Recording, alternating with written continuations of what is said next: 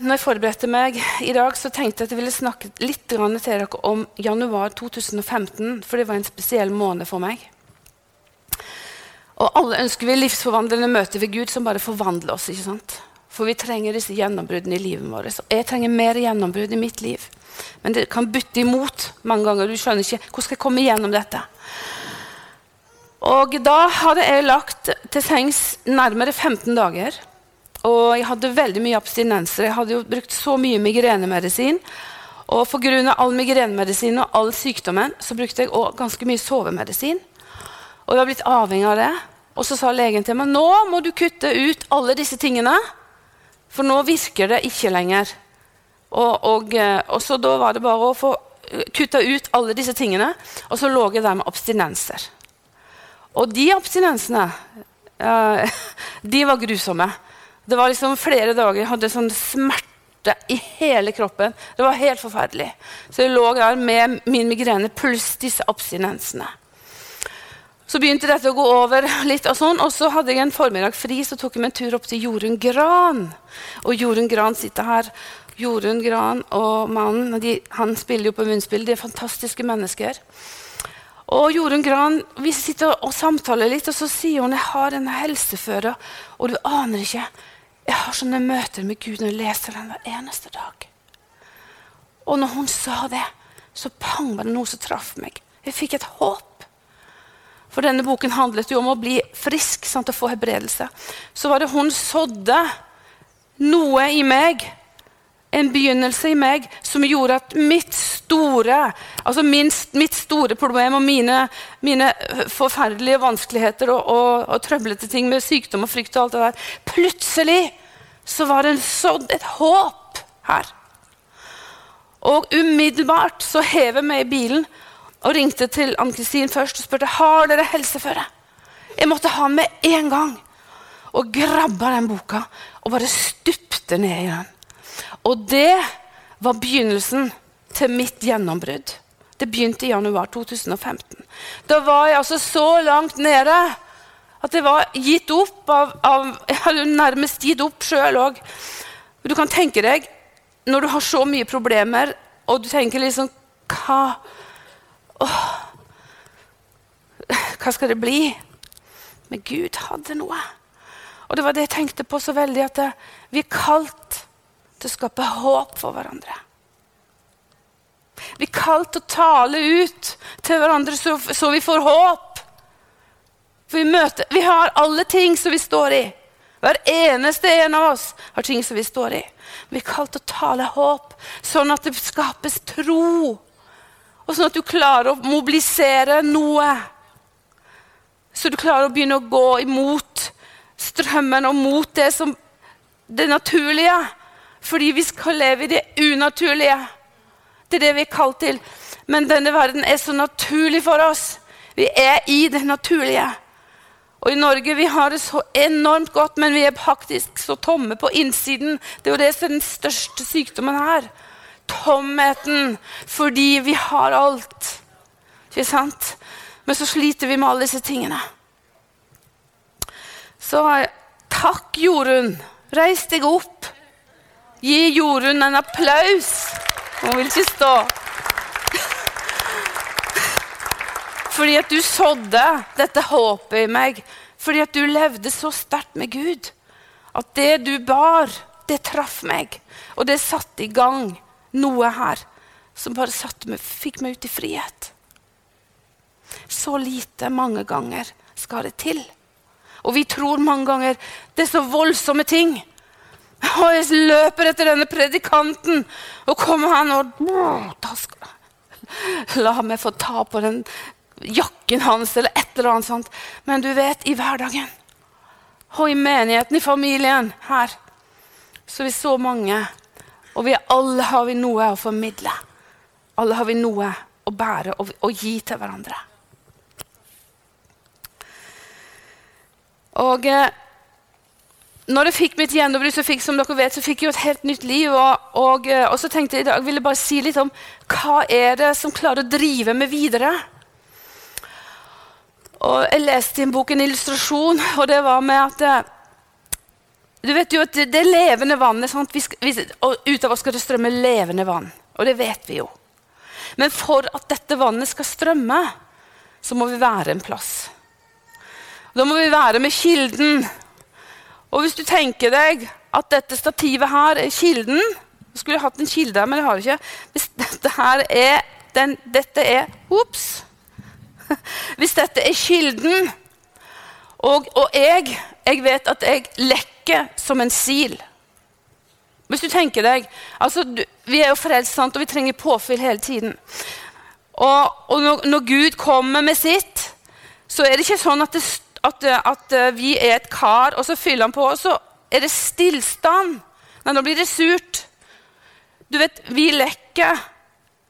Det er en strøm igjennom hele tiden. Derfor så må vi holde oss inntil denne kilden hele tiden. Kontinuerlig. Jeg kan ikke gå på siden og tenke jeg går på kraften fra i går eller, eller styrken fra i går. Nei, jeg må holde meg her. Sånn at fordi at Guds, Guds strøm hele tiden er gjennom meg, og jeg må kjempe for å holde meg her. Og da er det en, en kraft og en styrke som er i dette livet. Så tenkte jeg at du er en sil. Det, du, og når Gud fyller på, så renner det gjennom deg. Og da må du være i nærheten av Han fordi at det skal kunne fylles opp hele tiden. For at du skal være denne strømmen, og for at, kunne, for at vi skal kunne gi hverandre håp ikke sant? og tro. Og formidle det som, det som vi har fått alle. Jeg syns det var så utrolig bra bilde. Jeg tenker masse på det. Og du vet at uh, I Johannes 4, vers 14 så står det at det, det vann som jeg gir, han blir i han en kilde med, med, med vann som veller fram til evig liv. Og dette evige livet, det er noe som vi er kalt til å bringe ut og bringe det videre. Om det ikke, om det ikke strømmer levende vann fra oss. Eller altså, du kan tenke deg en elektrisk bil. Det, det, er helt umulig å få den til å gå uten strøm. Og vi kan prøve å dytte, og vi bruker så mye muskler uten strøm på disse bilene våre, som det er elektrisitet eller gass eller hva det er for noe. Så, så men hvis vi kobler den til denne, til denne strømmen og fyller på med bensin og diesel, og alt, så går han av seg sjøl så går han av seg sjøl, og vi kan sette oss i, i setet og så bare så går han. Det er et sånt bilde på, på livet med Gud. Altså Så enkelt er det, og så kan vi gjøre det mange ganger så komplisert. Flere ting som, som, eh, som bare gjør, gjør, at jeg bare kjenner at dette livet bare vokser, er at jeg, jeg er veldig bevisst på å være takknemlig hver eneste dag. Jeg, jeg løfter jeg løfter blikket og takker Gud for å, du har gjort så mye. Og jeg ønsker å være takknemlig for menigheten, for familien, for jobben min, for alt som Gud har gitt meg. Jeg ønsker å gi ham takk hele tiden. Og vet du hva? Jeg, det er noe jeg har kommet inn i i dette, og det skaper noe her som jeg kjenner er så verdifullt. og fellesskap og bønn med, med, Han som jeg elsker så høyt, er bare blitt en sånn, sånn utrolig verdifullt. Og, og, fellesskap og bønn med andre kristne. Og ikke minst lydighet. Det kan mange ganger være vanskelig, noen ganger, for vi blir Den hellige ånd ber og sånne ting som vi syns er for vanskelig. Men når, når jeg tar tak i og tør å gå på det som han gir meg, så bare merker jeg Åh, det, er bare, det, er bare, noe som vokser her, og bare troen øker, rett og slett. Altså, jeg har et sånn inderlig ønske og behag etter å bare behage Han med mitt liv. Og jeg ønsker så inderlig å bare få nå ut til de som ikke kjenner, og få formidle et nåde og fred og kjærlighet. Formidle det som Gud virkelig kommer med. Og dette er, dette er, noe som vokser. Og jeg husker som Heidi Baker sa på en konferanse som jeg var på i Toronto, så sa hun det tar tid å bli kjent med Gud. Jeg kommer aldri i livet til å glemme den setningen. Aldri. Fordi jeg syns at den setningen er så god. Fordi uansett hvor vi er hen i vår reise For vi er alle, vi er alle på en reise.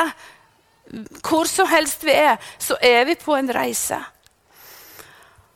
Og da velger vi ja, vi tar tid å bli kjent med Gud, men jeg velger å gå mot det, Gud. Jeg velger å gjøre disse tingene som jeg vet øh, vekker troen min, men så holder meg levende. Og det, det, var gjort en undersøkelse på at, hva er det som gjør at kristne ja, som har opplevd Gud, går vekk. Forlater troen og begynner å søke andre ting. Hva er det som gjør det? Og Det er noen, noen punkter her som vi skal dele med deg. og Det første er at de slutter å be. De slutter å be. Og nummer to de slutter å lese Bibelen regelmessig. De bare slutter med det. Og så slutter de å gi til Guds rike, og så slutter de å være sammen med de kristne, de som bygger livet ditt. Det er disse fire tingene. Og disse fire tingene er så viktige i, i livet vårt.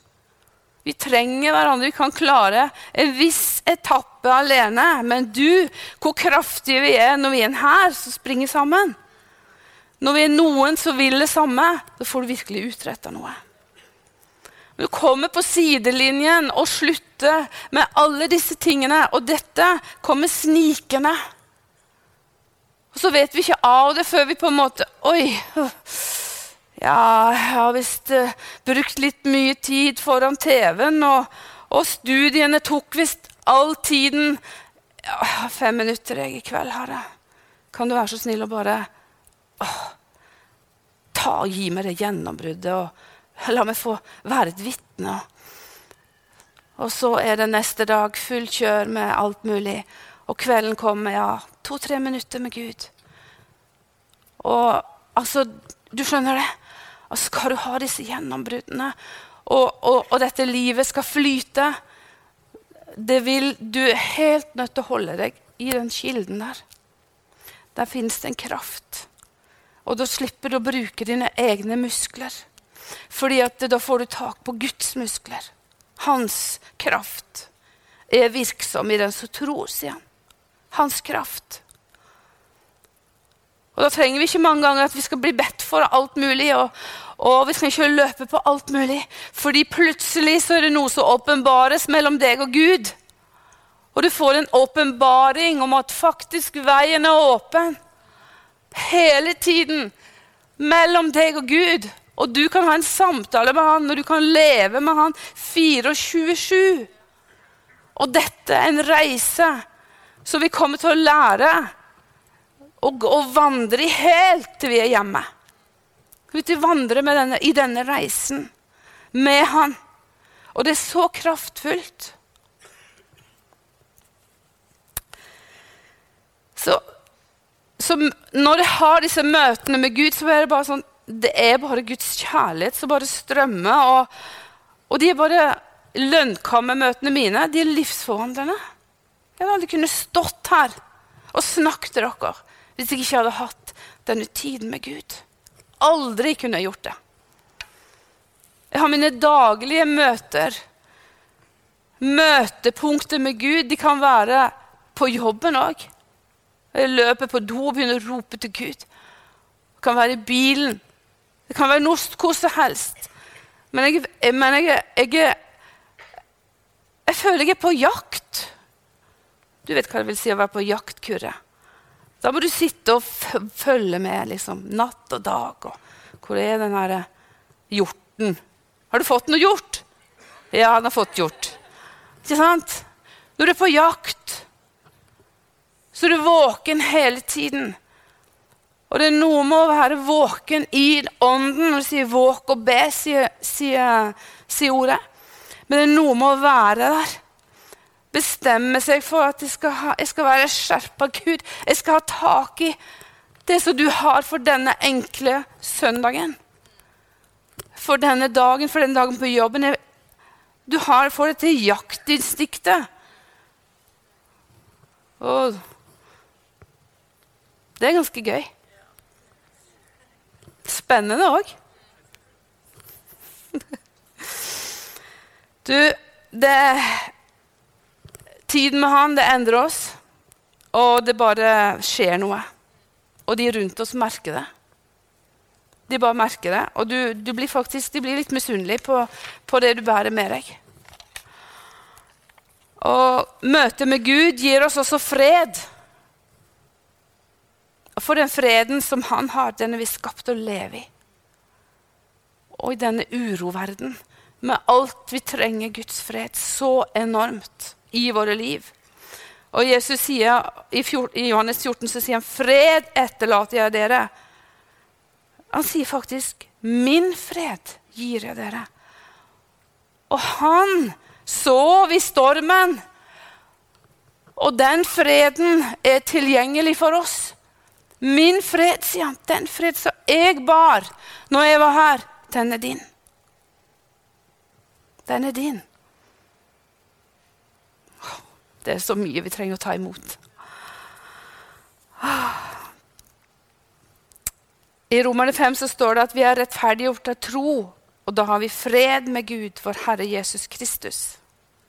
Og ved å tro på Jesus, Jesu verk med hele meg, da kommer det over meg en fred som overgår all forstand. Fordi vi er elsket og gitt adgang til tronen når som helst. Og jeg elsker dette ordet, nådens trone. Når som helst kan jeg bare gå inn for tronen, og jeg kan komme med hva som helst hva som helst og når som helst er veien åpen, og tronen er åpen. Videre så er det noe med dette med tilgivelse som må jobbe i meg. Og eh, det med å leve og ha, ta en bestemmelse over jeg har tatt en bestemmelse over at jeg ønsker faktisk å leve i konstant tilgivelse overfor andre. Samme hva de gjør mot meg. Og det kan være en bestemmelse som en bare tar om en møter på ting. Og, og, du kan få deg noen spark og noen slag, og du blir såra. Men allikevel så har jeg tatt en bestemmelse. Jeg har bestemt meg for. Innenfor din trone, Herre, skal jeg leve i fullstendig tilgivelse. Hele tiden. Jeg skal ikke holde noe opp imot folk. Eller begynne å anklage folk. Og dette er en reise, og jeg sier ikke at jeg er fullkommen på veien her. Men jeg sier at det er noe jeg lengter etter. Og det er noe jeg strekker meg etter. Og jeg kjenner at det jobber i meg hele tiden. Konstant tilgivelse, overbærenhet og kjærlighet overfor hverandre, det gjør noe med oss. Det åpner opp noen dører på hjertene våre når vi føler at vi er, vi er, vi er godtatt. Og det står jo at vi skal jobbe på vår frelse med frykt og beven i, i Filipperne 2,12. Men dette gjør vi sammen med Den hellige ånd. Sannhetens hånd. Han, han kommer aldri med fordømmelse. Aldri! Han kommer med, han lokker med å si at Tanja, dette korriger litt her. Og, og, nå sa du noe som ikke var helt bra. Nå, nå må du rydde opp i dette. Og, og, og gjør det med reist hode, ikke med fordømmelse. Og, og, sånn, Det kommer fra avgrunnen. Og det holder de kristne og oss mange ganger nede. Jeg har vært under fordømmelse i så mange år sjøl, så jeg vet akkurat hva det er å leve i det. Det er sånt betrykk der du aldri når opp, du er aldri god nok. Men de tankene skal du riste av deg, for de er aldri fra Gud. Men det er fienden som vil holde deg fast. For han er livredd for at du skal få tak i den friheten og den gaven som Gud har gitt deg. Og når blir, når du, Jo mer hel vi blir med Gud, jo, jo mer kraftfullt blir det å formidle dette til de som ikke kjenner ham.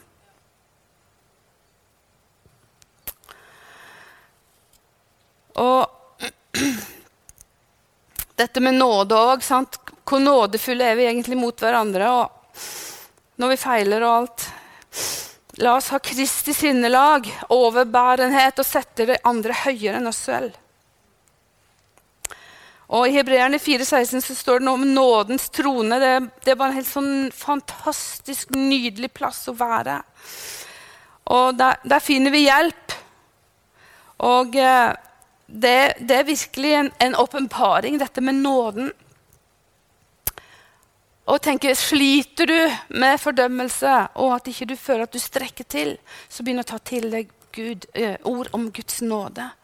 Og begynn å lese det høyt for deg sjøl så skal du se at Guds ord begynner å forvandle deg på innsiden. Så det er så ufortjent, denne nåden. Men eh, vi står i han, og det er på grunn av Jesu verk. Og eh, nåden er noe veldig vakkert. Det er Guds urokkelige og ubetingede kjærlighet til oss som bare venter på vår respons. Nåden venter på at vi skal respondere på den. Han venter på det. Fordi når vi klarer å ta, ta imot og, og, og begynne å få åpenbaringer om dette, så er det akkurat som vi tar et steg tilbake og bare beundrer det som Gud har gjort, og det verket som Jesus gjorde på Golgata, for at jeg kan forstå her, hellig og feilfri. Selv om jeg vet jeg er aldri feilfri, men i Jesu blod så er jeg det, så kan jeg ha full kontakt med Gud. Og det er bare så nydelig. For i vår respons til nåden så fins det en enorm frihet. Det er noe som løsner på innsiden når du får tak i dette. Og Olav var alltid, han, han fikk tidlig tak i dette med rettferdighet og nåde. Han gikk på Livets ord på 80-tallet. Og han preker jo mange mange år til meg, og det datt jo inn selvfølgelig. Litt og litt. Men han sto i dette, og, og jeg bare så at han la seg aldri under fordømmelse. Så, og så leve nærme med noen som har inntatt dette, det gjør noe med oss. Ikke sant? Men det forvandler ikke meg. Jeg må trå inn i det sjøl. Så jeg kunne beundre han og, og tenke liksom åh, Den troen og den nåden og den, det som du står i, Olav, det er egentlig veldig fantastisk. Og jeg, jeg lengta etter det mange ganger. Men Gud tok meg gjennom òg. Men jeg tror ikke at det skal være så komplisert. Det er her det sitter. Det fins faktisk en veldig enkel vei til å gi respons på denne nåden. Og begynne å bruke Guds ord høyt. For da er det sånn kraft i det ordet som du taler ut over ditt liv. At lenkene og fordømmelsens kamper og, og bånd må slippe taket. For kraften i korset og det som Jesus har gjort, er så mye mektigere enn disse tankene og den fordømmelsen som, som, den, som fienden kommer med og prøver å legge over oss. Så vi må riste av oss dette og reise oss opp. Så eh, Guds kjærlighet er utøst i våre hjerter ved Den hellige ånd som er gitt. Og dette med takknemlighet, det sa jeg jo òg, men i, i dag, daglighet, altså hver eneste dag, i det du er i At du begynner å bli bevisst på hvor har jeg tankene mine, hvor er kildene mine i, det, i, da, i hverdagen. Eh, altså, du kan snu du kan snu et liv ved på en måte å, å, fylle det med Guds ord med dette og begynne å vende blikket i takknemlighet til Han. Så kan du snu noe, og det forløses noe. Du vet, forhenget det, det revnet av en eneste grunn når Jesus døde på Golgata. Og det var for at vi skulle få vår personlige kontakt med han. Så egentlig så er vi ikke Vi er jo avhengig av hverandre, men det viktigste Det aller viktigste er den kontakten her. Den er den som bryter vei for det andre. Og Derfor så revna forhenget. Du kan tenke deg et svært forheng. Så bare Inn til det aller helligste, der kun presten og disse kunne gå. Nå var, nå var, det, nå var det fri adgang. Fordi Jesus tok vår skyld og synd på seg. For at vi kunne være rettferdige og hellige innenfor Gud. Det er veldig sterkt, dette her. Åh. Så dette med tilgivelse og, og sånn også, du tenker, sant, jo, vi, vi, opplever jo ting i hverdagen, og, og, vi kan ha ting med oss i, uh, i livene våre. Og, og, Maria forteller jo mange historier fra noen, alle disse som gikk på bibelskolen i, hos Heidi Baker. Der var det utrolig mange Og har fortalt noen folk altså De var så skadet av sin oppvekst, av uh, misbruk, av alt mulig elendighet. De var så skadet. Men de var reist opp. Helt nye. Helt helbreda. Vet du hva? Det, det, er så nydelig å høre. Og mange av disse lederne de, de hadde noen traumer ikke, som ikke var sanne. Så du tenker liksom Når du har gått igjennom det, så får du sitte og tie stille resten av livet. Du har ikke noe kraft å bevege deg noen plass. Men når Gud kommer med sin kraft på innsiden og begynner å løfte opp dette mennesket og vise den verdien som det mennesket har, da begynner ting å skje. Da begynner ting å skje. Så, så jeg tenker at hvis du har ting du har gått igjennom, og, og, ting du har møtt eh, Det kan være ting du har opplevd i familien, det kan være ting som bare sitter, som, som Irene Så Hun opplevde jo denne fiskekroken som satt som ah, plager den i alle disse årene. Smerten over, over, eh, det som skjedde i dette huset, da hun mistet sin menighet og, og sitt hjem. Og så satt den derre smerten her. Og når den kom ut, så var det akkurat som noe som bare ah, Noe som slapp. Noe som forsvant. Og, og da er det jo sånn at det, vi trenger jo òg selvfølgelig mennesker som er bærere av gjennombrudd. Og det så vi jo når vi hadde, når vi hadde flere på besøk her. Så, så, men jeg husker jo før Todd Weiss skulle komme, så, så, var jo jeg veldig sånn at jeg orket ikke en ny stjerne. fordi vi hadde jo Det hadde, det hadde blitt for mye du, Når en leder blir stor mange ganger, så, så, er vi så dumme at vi begynner å ære han. Ikke sant? Istedenfor å ære Gud. Så begynner vi å se opp til den lederen for mye. Og det er usunt. Så det må vi passe oss for. Men samtidig så er det noen som bærer en frihet med seg. Og et gjennombrudd med seg. Og de har gjerne, sånn som Todd Weit, som hadde sittet i fengsel i alle disse årene og, og levd som narkoman, og, og, så, og, så, kommer Guds kraft på innsiden av han. Og bare reiser han opp for et vitne, et enormt vitne. Og da er det noe med at disse folkene de bærer med seg et gjennombrudd. Og det gjennombruddet trenger vi. Så jeg er så takknemlig for at vi fikk ha Todd White her, og de gangene han var her. Fordi det var mange som fikk gjennomgripende møter med Gud gjennom hans vitnesbyrd og med det han, ba, det han bar med seg. Uten at vi ærer og forguder han. For han er et helt vanlig menneske og har sine feil og mangler. Men han har et gjennombrudd, et vitnesbyrd i sitt liv som er veldig kraftfullt.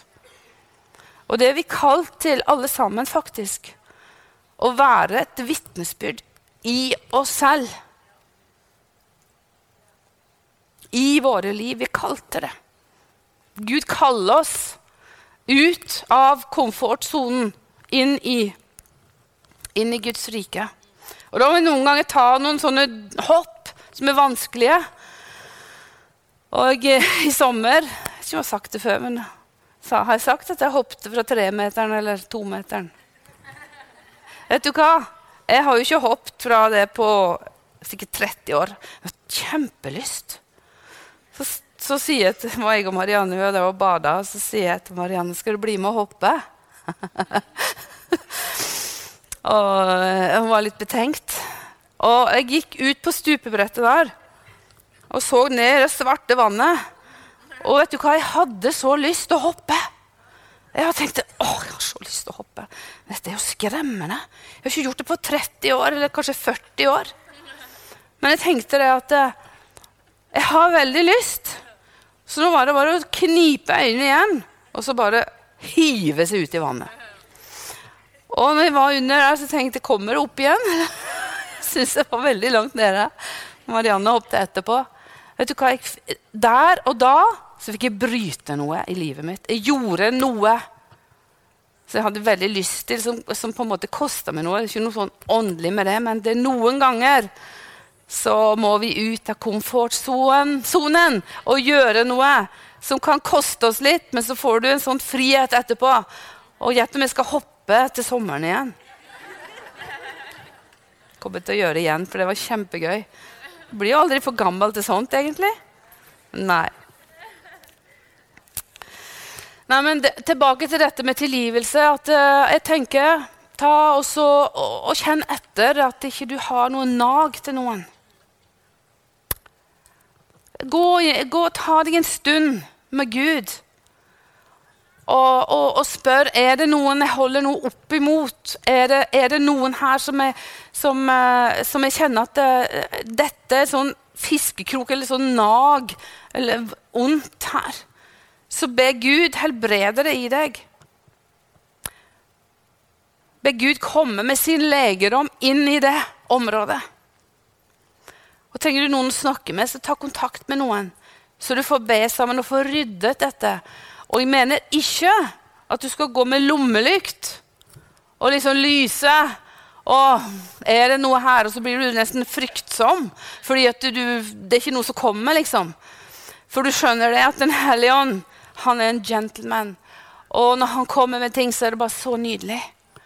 Det er bare, ja, da, altså Hver eneste gang han har irettesatt meg, så er det bare sånn vet du hva, Det er nesten som balsam. For å kjenne yes. Altså Det kan jo være litt vondt òg, selvfølgelig, fordi jeg skjemmes over meg sjøl. Og det kan vi jo trenge å gjøre noen ganger. For vi gjør jo dumme ting. Men samtidig så merker jeg at han, han, gir meg ikke noen sånne ørefiker. Han smeller ikke til meg og gir meg et spark bak. eller liksom klarer det selv, Tanja. Nei. Han kommer så, så nydelig så jeg bare får lyst til å vende om. Og får en sånn anger her. Og går gjerne til den personen hvis det er noe. Og bare kjenner at Yes, Gud, ta meg på denne veien. Før meg på denne stien. Jeg ønsker å leve i tilgivelse hele tiden, for det er sånn legerom i det. Og du vet Nelson Mandela Han satt i fangenskap i 27 år. Han kjempet jo for avskaffelse av raseskillet. Og han ble frigjort uh, i 1990, det året Maria ble født. 11. februar.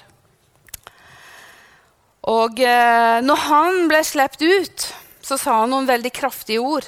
Og det var Da jeg gikk ut døren som ledet til porten, til min frihet, visste jeg at hvis jeg ikke kan legge bak meg hatet og bitterheten, så vil jeg fortsatt befinne meg i fengsel. Og det er veldig sterke ord. For når vi bærer med oss disse tingene som vi har opplevd, og, og de blir en sånn ryggsekk som, som, uh, som, henger på oss, som blir en sånn plage Og du kan være anklaget mot Gud òg for ting du har opplevd. Ikke sant? Vanskeligheter. Hvorfor, Gud? Hvorfor gjorde du sånn? Hvorfor måtte jeg oppleve det, Gud? Hvorfor? Mange sånne spørsmål. sant? Ta alle disse hvorforene inn i lønnkammeret med Gud og begynne å gi dem fra deg. Akkurat som dette er en sånn hvorfor. Jeg gir det til deg, Gud. Ta det, du. Kom med din legedom inn i dette hjertet her, som er så avhengig av deg. Og la ditt verk bare få jobbe og jobbe og jobbe i meg hele tiden, daglig. Det er så verdifullt å bruke tid på dette. Og jeg leste også i en bok at skal vi oppleve ting med Gud, så må vi ha tid til ham. Må, og det blir jo sånn må, må, ikke sant? Men du skjønner hva jeg mener? Skal vi få, få noe kontakt med han der? Så, så, nytter ikke det hvis det sitter her og ser på TV-en eller holder på med mobilen eller skal strikke alle disse genserne. Eller uh, skal studere alt dette. Skal alt dette først. Og når jeg er ferdig med dette, da Da skal jeg. Sant? Og du kommer inn i en sånn trelldom. Du aner det ikke. Men du kommer ut av dette, og du bare finner ut at eh, jeg må stoppe opp. Og du på din vandring 'Å, jeg må stoppe opp. Gud, yes, der er du igjen, ja.' Og på jobben 'Yes, nå stopper jeg opp. Å, takk, Herre.' Og jeg priser deg, Herre. Og så er du i bilen, og så priser du Gud. Og så 'Å, jeg må stoppe opp.' Og så plutselig kommer du på noen i menigheten. 'Å, Jesu navn, jeg ber om legedom for denne.' Eller noen i familien din. Eller barna dine. Noen som er deg nær, så du bare kjenner nå har de lagt på meg. Gå avsides. Gå avsides. Ta den tiden med Gud. Og utfør det. Du aner ikke hva det kan utføre, og hva det kan bety for den personen at du, tok den bønnen akkurat der og da.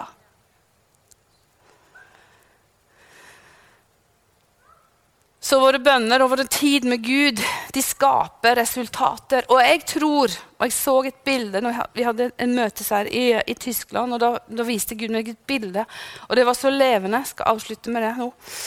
Og da var det Da hadde jeg preka om bønn til forsamlingen, og bønnejournaler og alt, og bønn for familie og slekt og venner og, og alt dette her. Og plutselig så bare så jeg at, uh, at vi en, hver eneste en av oss står innenfor tronen. Og, og, Jesus liksom Nå har du kommet hjem, og nå er det tid for å snakke sammen liv, om livet ditt. Det står jo om det i Bibelen. sant? Og det er jo ikke noe skummelt. Det er jo herlig å komme inn for Gud. Og så sier Gud, 'Snu deg, Tanja.' Og så viser Hele den hæren der er her pga. dine bønner. Alle disse folkene som du ser bak deg, som er frelst, er her fordi at du brukte tid i bønn. Slekten din er her, Tanja, fordi at du reiste deg opp og bare gå, gikk 100 og bare bestemte deg for at disse skal vinnes for Guds rike, for det fantastiske livet. Og det ble en sånn åpenbaring for meg Jeg kommer aldri livet til å glemme det bildet, for det var ikke som jeg snudde meg i sånn sakte kino når Gud sa 'Snu deg, Tanja'. Og der sto skaren, som var fordi at jeg hadde brukt tid. Så en ny bønnebevegelse har jeg snakket om masse. Det skal jeg ikke preke om i dag. Men dette bildet egentlig veldig sterkt. Fordi at det handler om vi kan ha en enorm innflytelse i vårt liv hvis vi bare har denne kontakten, passer på at denne kontakten med Gud hele tiden er der. Er på plass. Jeg våker over min frihet hver eneste dag. Jeg våker over mitt liv hver eneste dag. Jeg vil ikke miste sekundene med Gud. Jeg vil ikke miste sekundene, men jeg, selvfølgelig mister jeg de innimellom. Men jeg jobber med meg sjøl for å være våken med Gud hele tiden. For jeg ønsker å fange opp Den hellige ånds røst for mitt liv. For de som Gud hadde tenkt jeg skulle betjene den dagen. Så jeg ikke går med skylapper eller sover når jeg går forbi de. Lengtene. Kanskje det var noen som gikk med selvmordstanker, eller hva det var. Så hadde Gud tenkt at der, Sanja, den der skulle du egentlig gå bort til og si Gi dem en klem kan være nok. Så øse ut av denne kilden. Nei, da må vi være der ved kildevellet fordi vi lekker som en sil hele tiden. Så denne kontakten med Det er Gud. Å, den er så dyrebar. Å, dette livet, Herre, som du har gitt oss. Det er så fantastisk. Og vi vil aldri, aldri vende oss bort ifra deg. Og vi vil bare løpe etter deg, Herre. Vi vil gi våre liv. Vi vil legge ned våre ting. Våre planer. Vi vil legge ned. Vi vil bøye oss og ære deg. Du som ga alt for at vi skulle få alt. Du som ga ditt liv så forhenget revnet. Du som åpnet opp en ny og levende vei inn for tronen, inn til helligdommen, inn til din herlighet. Å, du fortjener all ære. Du fortjener hele våre liv. Du, du Gud. Å, vi ærer deg. Og løft opp ditt navn i dag.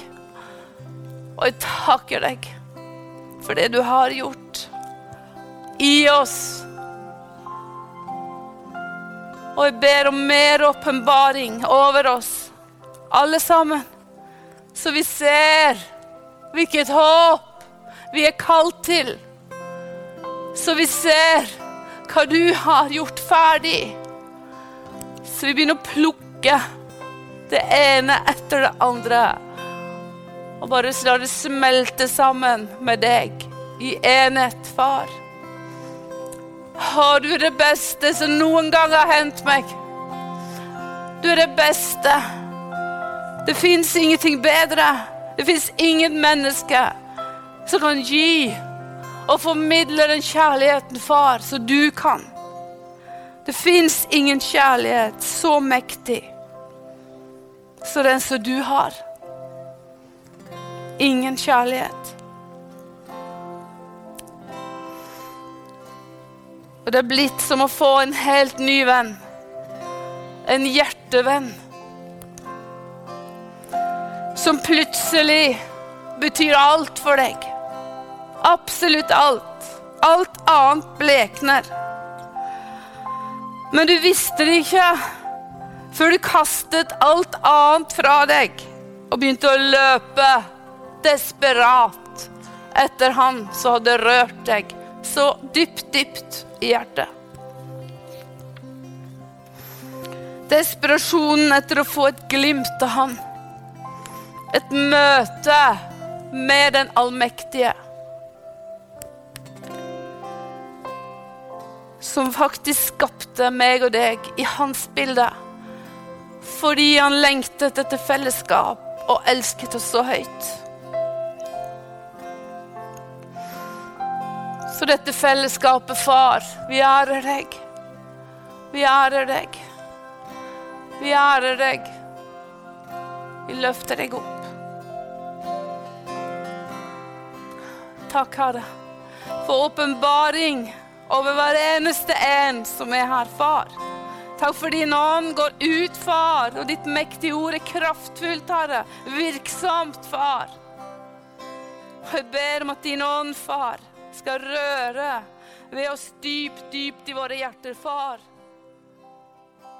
Så vi går forvandlet ut, far, og berørt på dypet av våre hjerter, Herre.